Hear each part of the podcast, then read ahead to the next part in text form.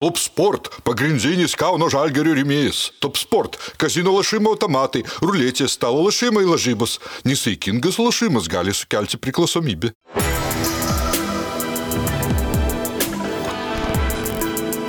Šviturys ekstra nealkoholinis. Tai, ką sugebame geriausiai. Tikras džiaugsmas dovanoti, nes topo centre Samsung Galaxy A04s telefonas tik 139 eurai, o Galaxy Tab A8 planšetinis kompiuteris tik 179 eurai. Daugiau pasiūlymų topocentras.lt.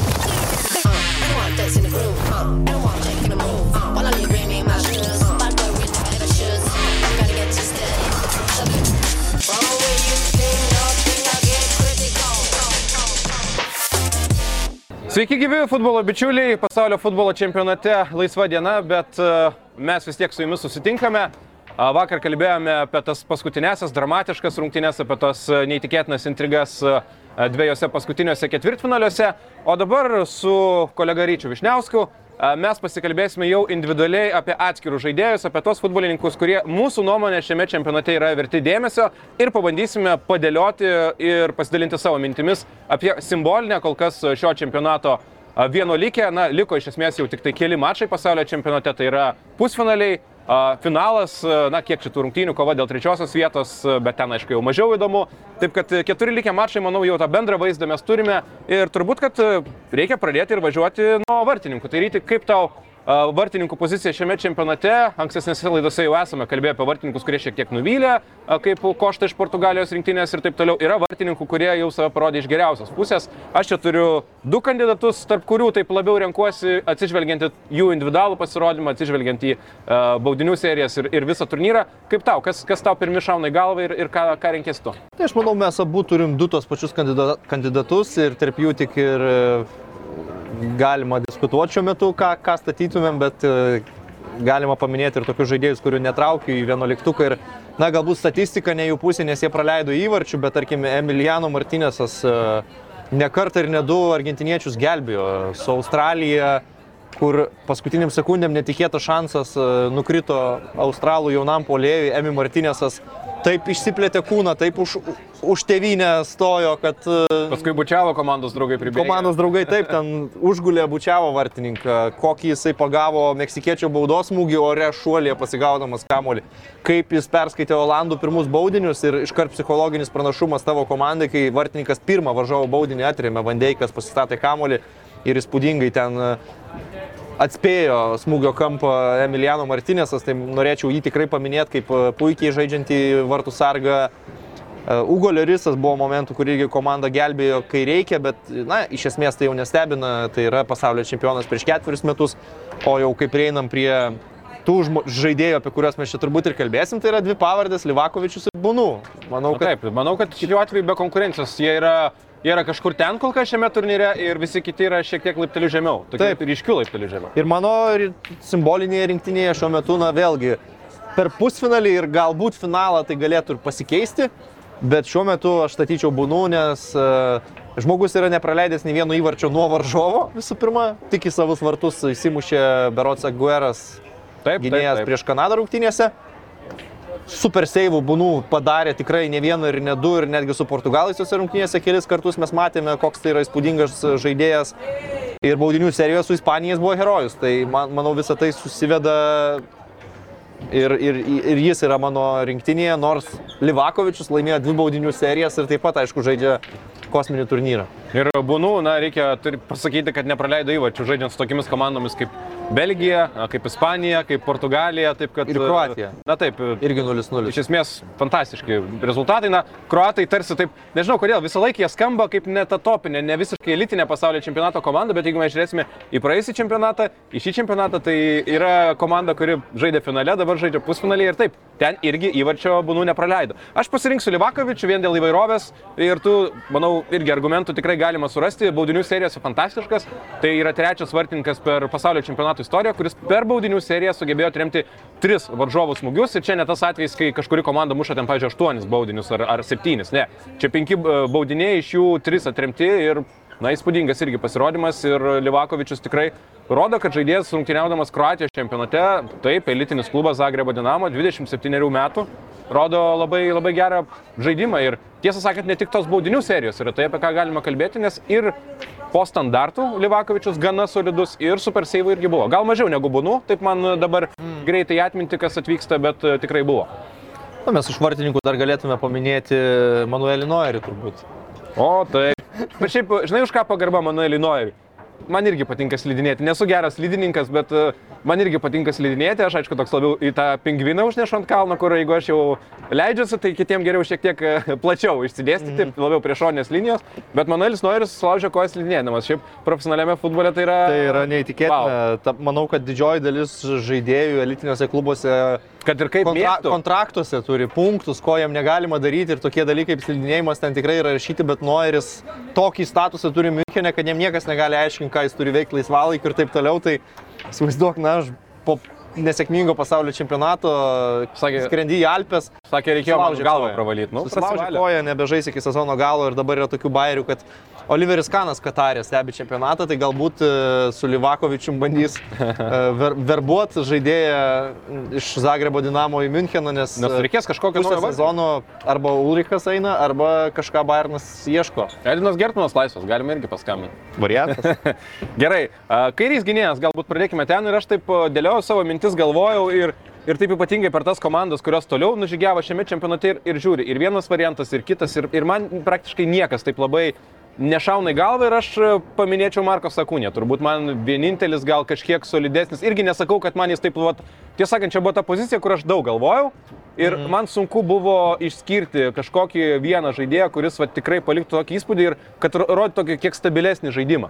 Ir e, ten pradedant jau Brazilijos rinktinėmis, kur tur apskritai toks kitoks futbolas ir, ir nelabai tinka turbūt tie krašto gynėjai mano tokį 4-3-3 Ir, ir baigiant visomis kitomis komandomis, kurios dabar, pavyzdžiui, žais ir pusfinaliuose, na, ar ten žiūri į kokį Maroką, kuris labai mažai įvačių praleido, bet Mazrui žaidė netiek daug rungtynių, o tie Ala irgi turbūt negali iki galo kelti, ten nekalbu apie Portugalijos rinktinės kairį kraštą. Ir, ir ar tu turi kažkokių kitų variantų, kur būtų galima taip vat, ryškiau padėlioti, ypatingai iš tų komandų, kurios nužygiavo toli? Sutinku, kad čia vienas sunkesnių pozicijų buvo apsispręsti, nes gal nėra kažkokių išskirtinių pasirodymų labai. Uh, tų komandų, iš tų komandų, kurios, tarkim, aštuntfinalėje baigė turnyrą, nelabai ir svarščiau. Manau, kad bent jau ketvirtfinalyje turi būti, kad patektum į simbolinę rinktinę ir tada iš tiesų tokio labai stabilaus ir labiausiai užtikrinto varianto gal ir nesimato. Galėčiau sutikti dėl Akūnios kaip, kaip varianto, beje įdomu tai, kad jisai negalės žaisti pusfinaliai dėl kortelių, tai čia netektis vis dėlto Argentinai, greičiausiai Tagliefiko matysim toj pozicijoje. Kas manau, kad yra biški downgrade'as? Į polimą taip, gynyboje gal nebūtinai, bet pasijungiant į priekį tai tikrai žymiai aštresnis žaidėjas yra Kūnija. Ir aš gal vis dėlto po tokių diskusijų su savimi apsistojau ties dviem pavardėm - Teo Hernandės ir Borna Sosa. Ir nusprendžiau, kad prancūzų aš ir tai pakankamai planuoju į kitas pozicijas, tai galbūt kairio gynėjo poziciją atiduočiau kruatui. Taip, čia mano buvo antras irgi vat, pasirinkimas, nes Teo Hernandės aš kaip ir Jeigu nebūtų to baudinio prieš anglus, tai aš jį labai svarstyčiau realiai. Nu, va, Bet man jo, tas baudinys tapo tokiu, kur, tu realiai galėjai gal kažkur palaidoti komandą. Uh, Sosa nežaidė aštuntfinalio, dėl sveikatos problemų vietoj jo stojo Barišičius, tas, tas galbūt kažkiek uh, keičia, jo. bet iš esmės rungtynės, kuriuose žaidė Borno Sosa, jisai buvo labai solidus tiek gynyboje, tiek ir atakoje. Ir galvoju, kad uh, greičiausiai abu turėsim kairė, kairėje gynybos tandemo vidurio gynėjų pusėje irgi kruatą. Tai Bornas Sosas ten man su juo ir visai gal tokie logiški pasirinkimai. Uh, gerai, važiuojam su vidurio gynėjais. Uh, jeigu Vieną aš jau kaip ir pasakiau. Turbūt. Jeigu tą 4-3-3 dedam, tai na, gal apskritai papasakok apie savo vidurio gynėjų porą tada aš, nes nu, man atrodo, kad irgi tokie yra bent jau vienas variantas, kurio aš tiesiog negaliu įdėti, gal net ir paminėsiu. Joško Guardiola tiesiog Guardiola neįmanoma. Aš, aš taip sunkiai, bet galvoju, nu, nebūtų logiška. Tai yra komanda, kuri vis tiek pagal talentą yra na, iš to ketvirto viena iš žemiausių. Na, kai su Maroku turbūt lyginam. Bet Joško Gvardiolas kokį turnyrą žaidžia, kiekvienose rungtynėse stabiliai, agresyviai ir build-up'e su kamoliu, ir gynybinėse epizoduose, ir kai jau reikia tais pat katais ten paskutinę akimirką blokuoja tos smūgius. Na šiaip tai gal net ir ryškiausias pasaulio čempionato gynėjas kol kas. Vidurio gynėjas. Turbūt taip, iš tikrųjų įspūdingas čempionatas. Joško Gvardiolas tikrai fantastiškai atrodo ir grupių etape ir, sakyčiau, jis netgi sugeba tokiu savo žaidimu paslėpti tam tikrus Dėjano Lovrino minusus, kurių yra, na vis tiek žaidėjas veteranas ir netgi savo geriausiais metais būdavo dažnai kritikuojamas dėl tokių koncentracijos klaidų, tai Joško Gvardiolas, na, neįtikėtinai gerai atrodo ir fizinės formos, ir kaip 20 metais yra pasiruošęs psichologiškai. Uh, įspūdingas žaidėjas ir tai, kad jis žaidžia su kaukė, dar irgi turbūt prideda efekto uh, kiekvieną kartą, kai jis atlieka gerą veiksmą aikštėje. O poroje su juo jau galima daugiau diskutuoti, turbūt ką, Taip, ką pasirinkti ir variantų variantų daugiau. galima daugiau atrasti. Uh, Aš tiesą sakant labai ilgai galvojau apie Nikolasą Tomendį, nes man imponuoja, koks jis kovotojas yra šitam čempionatui ir kaip jisai puikiai rodo tas lyderio savybės, Man būdamas jis vidurio šiam gynėju. čempionate vėl žaidžia geriau, negu jis man šiaip yra žaidėjas. Taip, jeigu, jeigu imti visą jo karjerą, greičiausiai. tai man šitame turnyre jis žaidžia tikrai taip gerai, kad galima įdėti simbolinę rinktinę, tai nenustebins. Nors šiaip tai nėra kažkoks ekstra ten mega talentas šiuo metu. Be kažkokių di- didesnių klaidų ir dėl jo visą laiką aišku, kad jis žais startę, nes Romero, Lisandro Martinėsas būna visai. Su Olandais, tarkim, tris vidurio gynėjus užstatęs kolonį. Bet vis dėlto aš nusprendžiau, kad, na, negali ignoruoti Maroko sugebėjimo nepraleistų įvarčių ir kaip tai yra įspūdinga. Ir taip aš galbūt į gynybą per daug čia prisistatau marokiečių, bet... Na, bet mes žiūrime į kitaip- aš kontekstą. negaliu.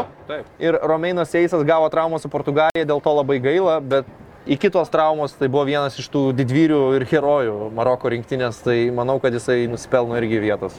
Taip, aš e, Saisą irgi kaip ir rinkčiausi vienareikšmiškai ir vienas pagrindinių kandidatų, nes pagal visą žaidėjo karjerą ir talentą, taip, sakytum, kad na, gal ir per drąsų, bet jeigu žiūri turnyrą, praleistus įvarčius, tai vienareikšmiškai tai yra tas gynybos ramstis.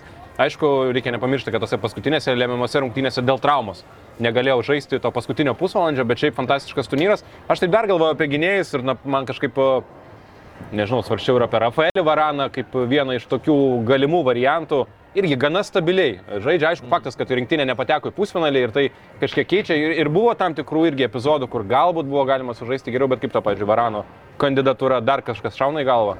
Varanas galima, galimas būtų variantas. Iš esmės, man pagrindiniai debatai dėl Otamendi ir Seiso. Vie- vie- Vieną arba kitą norėčiau statyti ir marokietis gal dėl to, kad komanda tiesiog nepraleidžia visiškai įvarčių. Argentina, kaip be būtų, tų įvarčių praleido ir, ir praleido tiek, kad galėjo su Olandija viskas baigtis labai liūdnai, o dar prisiminus, kad grupėje pralaimėta Saudo Arabijai, tai kažkaip nesinori galbūt iš Argentinos rinktinės gynėjų traukti simbolinę vienuolikę.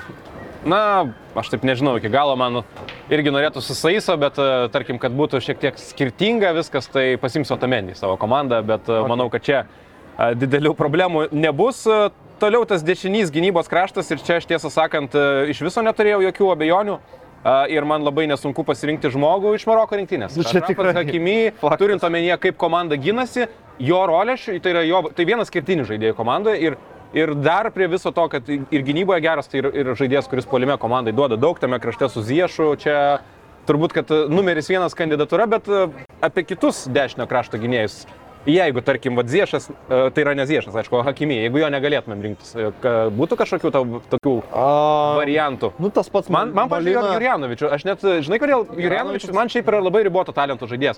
Bet tai, kaip jis žaidžia šiame turnyre, kai kuriomis atkarpomis, na, ten būna, sužaidžia vieną tokį mega kelnį, kai žaidėjas ne tik tai susitvarko gynyboje, bet dar ir polime pridaro tiek daug problemų, nes tai yra vienas greičiausių kruatų rinktinės futbolininkų. Ir šiaip aš jau niekada jokią simbolinę rinktinę turbūt nesirinkčiau, bet šiame čempionate aš, pavyzdžiui, Jurjanovičius statyčiau į antrą vietą. Nu, variantas, žinok, taip, sutinku. Nakvelis Molina iš Argentinos įmušė įvartį prieš Olandus ketvirtfinalyje. Galima paminėti tą pavardę. Toliau, na, sakykime, Portugalų ten Diogų Daloto negali rinktis, ne tik dėl to, kad komanda iškrito, bet jisai iš esmės tik nuo trečio turo Taip. tapo pagrindiniu savo pozicijoje žaidėjų.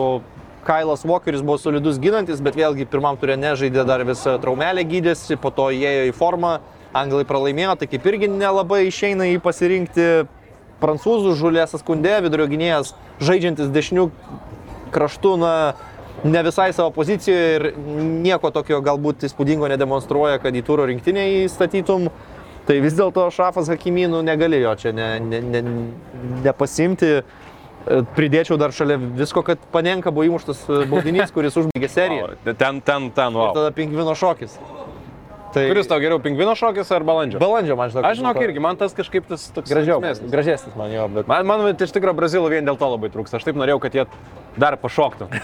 Nu, ir- yra Važiuojam toliau apie vidurio saugus pakalbėkime ir aš čia turiu vieną visišką absoliutų savo favoritą ir vėl tai bus iš Maroko ir e, jo pavardė prasideda raidė A, tai yra Sofianas Amrabatas ir man atrodo, kad Maroko rinktinės sėkmė šiame čempionate be Amrabato nebūtų įmanoma. Tai yra vienas iš absoliučiai kertinių komandos žaidėjų, padedantis gynyboje, galintis žaisti tada, kai jau mes kalbame, kad ten yra žaidėjai, kurie po 70 minutės išsikvėpia ir nebeturi energijos, o jis gali žaisti kiek reikės. 100, 110 minučių, 120 ir gali dar ir patraukti į priekį, kai jį spaudžia du varžovai lemiamų metu, tai Sofianas Amrabatas yra mano visiškas pikas numeris vienas į aikštės vidurį. Tikrai neįtikėtina, kai jis ten 85 minutę, 90 minutę prieš ispanus ir pratesime turi kamolį ir atrodo, kad na, lengviausia dabar būtų spirt kamolį tiesiog kuo toliau nuo vartų. Jis driblingų išeina iš trijų varžovų globos, išsivaduoja, įsilaisvina ir dar pradeda pavojingą komandos ataką, tai atrodo labai geros formos Amrabatas. Iš tikrųjų, aš komentavau jo paskutinės rungtynės klube prieš, prieš čempionatą, tai buvo Milanas Fiorentina ir tose rungtynėse jis atrodė labai solidus ir matėsi, kad žaidėjas yra pasiruošęs turnyrui. Ir e, čia yra paskutinis Maroko žaidėjas, kurį aš įtraukiau, tikrai esu dosnus Maroko rinktiniai šiuo atžvilgiu, Vi- vos ne visą gynybą iš marokiečių susiformavau, dar yra atraminių sauga, bet e, Sofianas Amrabatas tiesiog spindi viso čempionato metu. Jeigu leisi man šiek tiek pasigirti, kalbant jau apie klubinį futbolą ir Sofianą Amrabatą, tai galiu pasakyti, kad a, klubas, kuriame aš dirbu, Rygos RFS, žaidė konferencijų lygos grupių turnyrą su Fiorentina. A, Debiutinės rungtynės grupių turnyre vyko Florencijoje, Artemijo a, Franki stadione. Ten, nežinau vis dar ir netikiu kokiu būdu, bet pavyko sužaisti lygiosiamis. Ir Sofianas Amrabatas ten tose rungtynėse įstrigo kaip, na, turbūt geriausias Fiorentino žaidėjas. Tai va, a, prieš RFS laimėti namuose Florencijoje jam nepavyko, o čia žmogus pasaulio čempionato pusfinalėje. Bet gerai, čia toks off-topikas. Antras tavo galbūt pasirinkimas į aikštės vidurį. Nu šį kartą jau imsiu žmogų iš komandos, kuri pralaimėjo ketvirtfinalėje, bet e, manau, kad jis būtinai turi patekti į tokią simbolinę vienuolikę. Tai yra Džudas Bellingiamas, e, fantastiškas 19-mečio turnyras, Mm, tiesiog nuostabus žaidėjas. Tu matai žmogų su 19-mečio energija, greičiu, visomis fizinėmis savybėmis ir tuo pačiu su veterano protu. Tai yra tiesiog kažkokia nenugalima kombinacija, vos net, gaunasi vos net tobulas vidurio saugas ir, ir Džudas Bellingiamas yra šaunuolis, jisai šitam čempionate jau buvo Anglijos rinktinės lyderis, nepaisant labai jauno amžiaus. Neturiu ką pridurti, Džudo Bellingiamą ir aš imčiau ir tiesiog, na, čia mano antras pasirinkimas be konkurencijos po Amrabato šiame čempionate. Tikrai Bellingiamas. Aš tiesą sakant, mėgstu šį žaidėją, teka, tenka jį komentuoti ir savo klube Vokietijos Bundeslygoje, bet kažkaip net nesitikėjau, kad tokį gerą turnyrą sužais, kad jis gali būti startinės sudėties žaidėjas. Jo. Abejonių nebuvo, bet kad gali būti toks sol- solidus ir ne tai, kad startinės sudėties žaidėjas, bet vienas iš lyderių tikrai gerai žaidusioje komandoje, kuri, na, ten per plauką nepateko į pusfinalį ir tikrai geros rungtynės, čia ketvirtfinalį parodytos. Tai Džudas Bellingiamas man su ta savo energija, su to savo kūnu ir, ir dvikovose niekada, na, tikrai.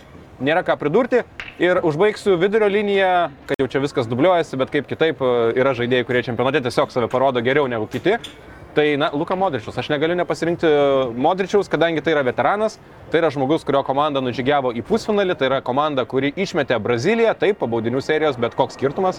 Ir tai yra savo komandos lyderis, dvasinis lyderis, kuris kalbasi su kitais žaidėjais, kai jiems yra blogai. Ir, na, tiesiog pagarba šiam veteranui, kuris paskutinėse rungtynėse matėme, atžaidė 120 minučių, prieš tai atžaidė 109 su Japonija, dabar su Brazilija 120 ir dar svarbiausiu metu ten 110-12 minutės dar sugeba ir atakas pradėti. Ir na, čia nėra Leo Messi, kuris vis tiek, na, didžiąją dalį yra atlaisvintas nuo gynybinių užduočių. Modričius yra žaidėjas, kuris turi padėti gynybai, nes kitaip e, bus problemų. Tai, tai mano yra Modričius. Turbūt negali suklysti pasirinkdamas Modričių.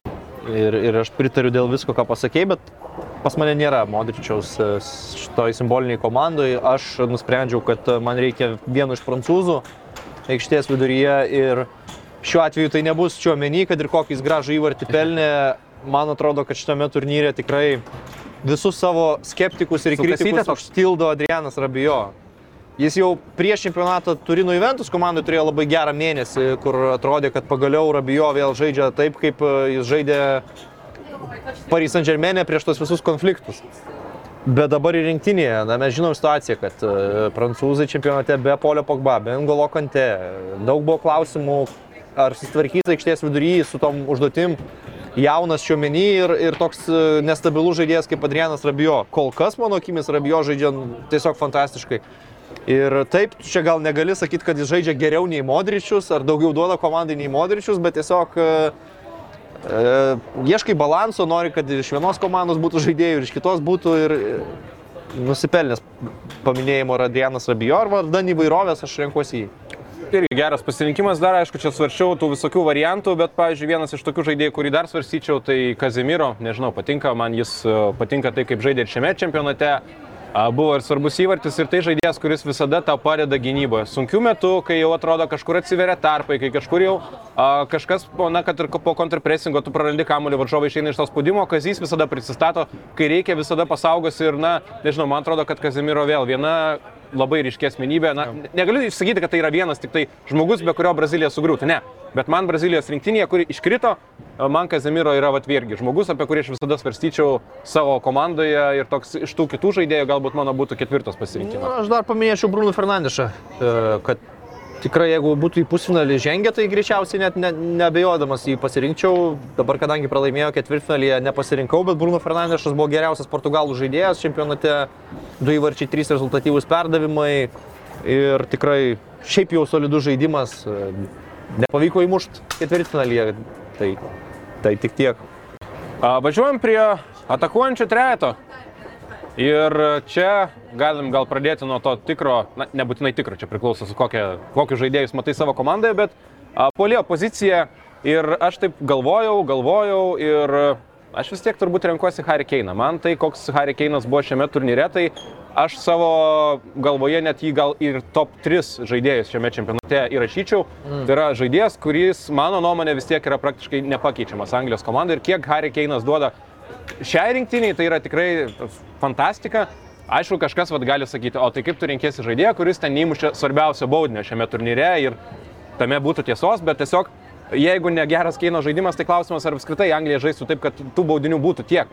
Ir, ir kaip klasikinis devintas numeris, ir atšokęs nusileidė žemiau, kūrė progas, grupių turnyre matėme, kad įvačių nebuvo, bet kiek įvačių jis prisidėjo ir tiesiogiai sukūrė savo komandai, tai aš renkuosi jį, o mano toks atsarginis variantas tai būtų Olivier Žirų iš Prancūzijos rinktinės, kuris yra aišku šiek tiek kitoks žaidėjas. Iš Olivier Žirų tu nepamatysi, kad jis nusileidinėtų taip giliai ir skirstytų taip puikiai kamuolius kaip Keinas, kuris, na, ir Žozė Maurinį turbūt šiek tiek e, leido jam atsiskleisti tom savybėm, bet pas mane Keinas ir antroje vietoje tai būtų turbūt Olivier Žirų, jeigu mes kalbame apie tą trijų žaidėjų vidurio poziciją.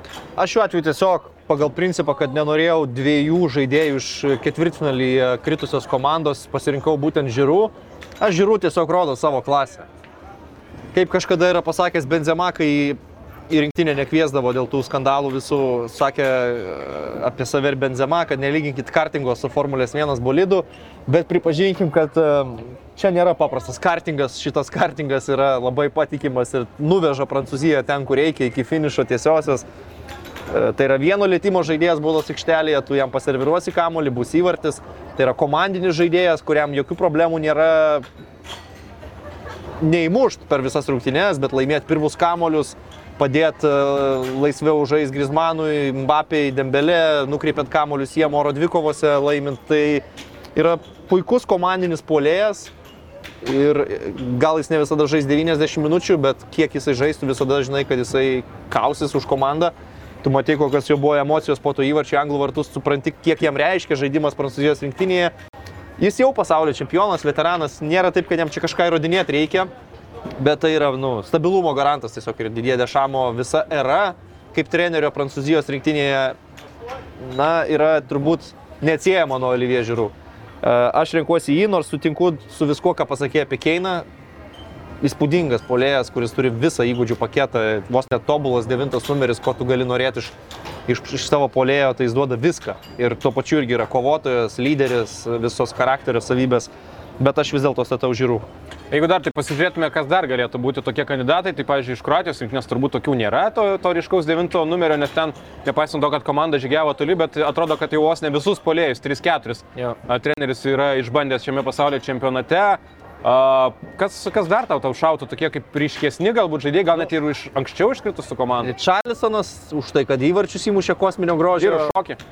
Aš esu Tai mėgėjas. ir Čarlisoną galima turbūt paminėti toje diskusijoje daugiau, galbūt, na, nežinau, nelabai. labai, Nepritemsi čia iki Juliano Alvareso. Ne, ne, čia jau būtų per daug toks jau. Nekalbėsi gi ten apie Lewandowski. tai, nu, yra kaip yra, nu, čia Su visa pagarba Lewandowski, bet prajuokinai. Česlavą Miknevičių prisiminiai turbūt. Česlavas Miknevičius yra Geriausias, e, tikras šaunuolis, kaip tavo čempionato treneris. Yra tikras šaunuolis.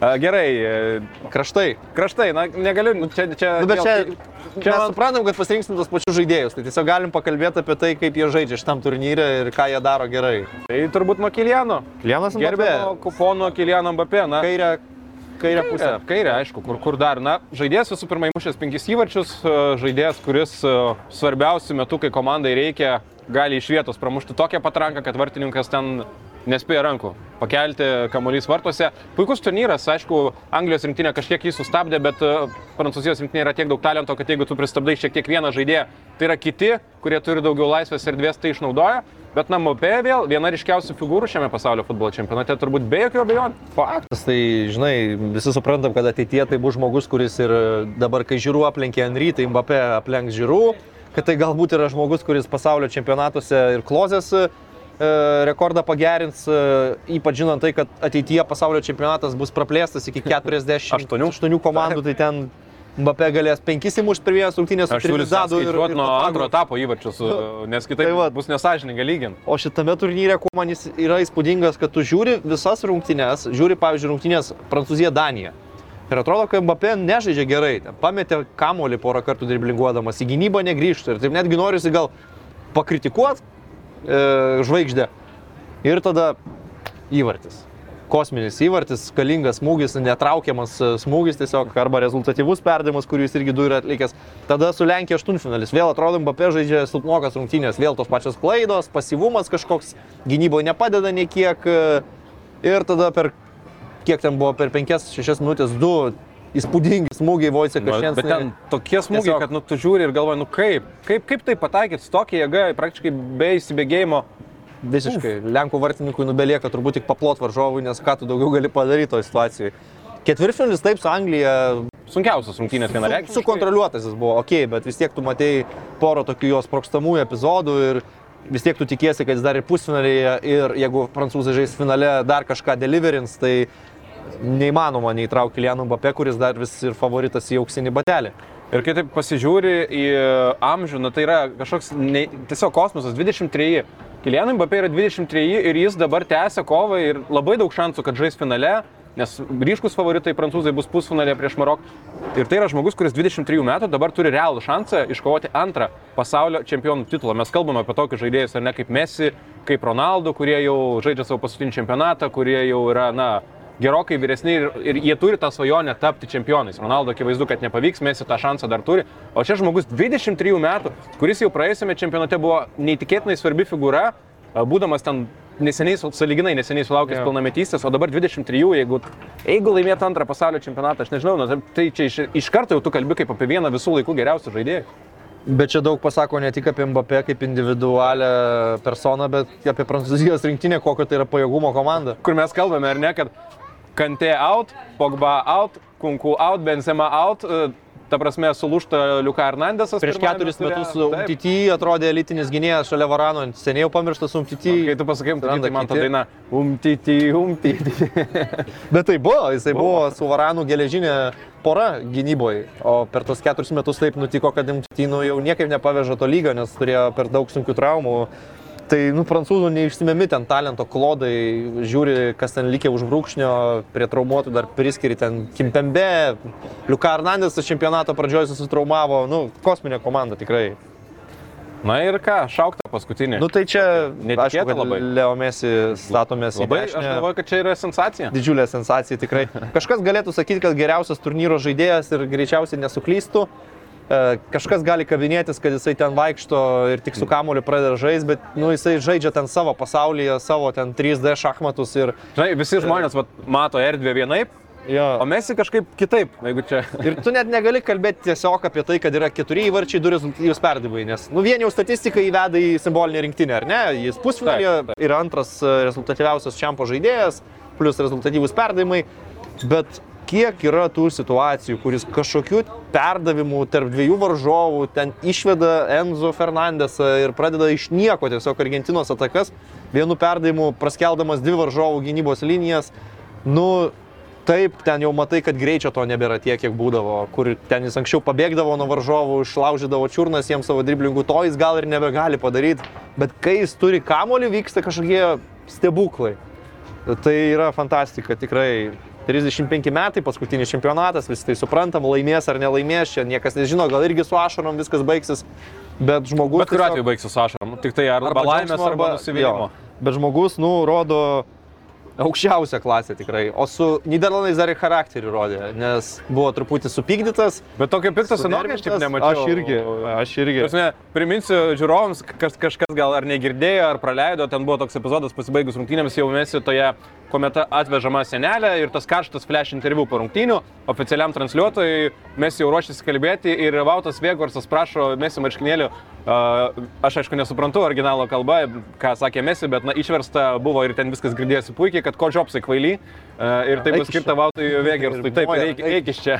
Ir paskui dar tas reporteris sakė, e, trankijo, Leo, trankijo. Ramiai, ramiai, Leo.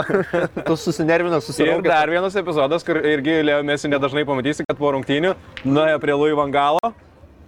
Ir va šitas irgi parodomas. Tai, tai čia, čia jau toks irgi legendinis praktiškai momentas. Nu, šiaip turbūt Argentina, Niderlandai. nerti klausytis. Nu, Nes- yra nes momentas. blogai. Argentina, Niderlandai šiaip tampa kažkokia priešprieša. Tai Argentina vienintelė rinktinė, prieš kurią pasaulio čempionate Vangalas yra pralaimėjęs ir tai tik per baudinius du kartus, ir 14 metais, ir dabar. Šiaip ką aš dar paminėčiau, kad, e, na, pažiūrėkime, kokie, kokie yra Leo Messi momentai šitam čempionate. Rinktinė pralaimi Saudo Arabijai pirmą turą. Jis įmušė baudinį, bet niekas apie tai nekalbės, nes jis žaidė prastas rungtynės. Antros rungtynės su Meksika jau yra žudbutinės. Argentina apie valandą nieko negali padaryti prieš meksikiečių kompaktišką gynybą. Ir tada iš niekur epizodas Messi gauna truputį daugiau erdvės, pasitvarko kamolį kairę koją įvartis.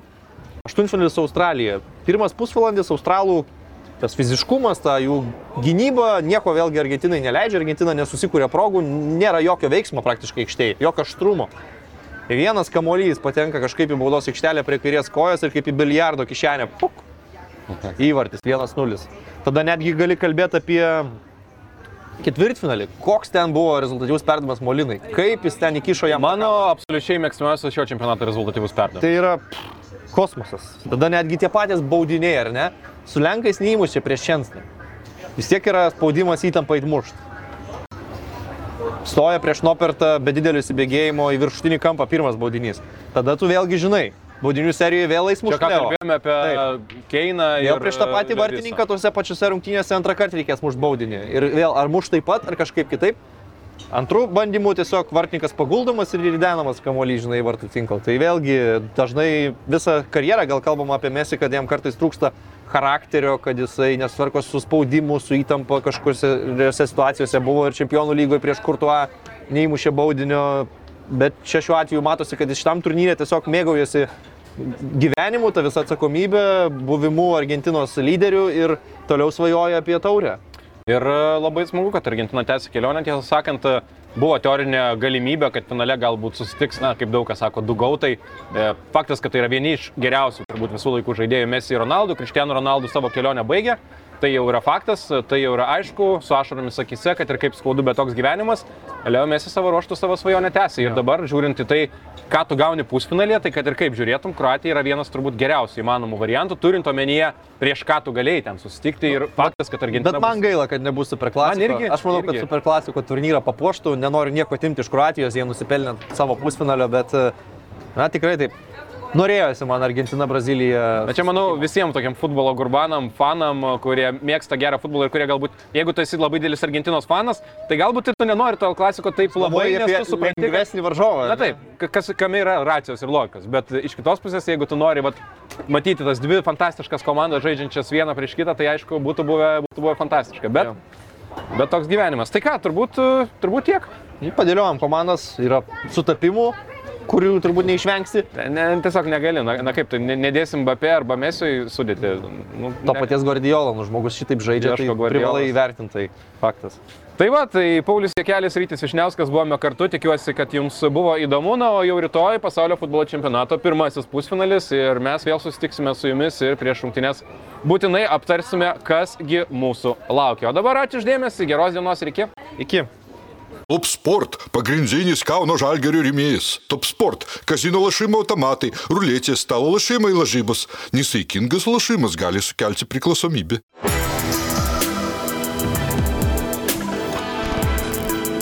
Šviturys ekstra nealkoholinis. Tai, ką sugebame geriausiai. Tikras džiaugsmas dovanoti, nes topo centre Samsung Galaxy A04s telefonas tik 139 eurai, o Galaxy Tab A8 planšetinis kompiuteris tik 179 eurai. Daugiau pasiūlymų topocentras.lt.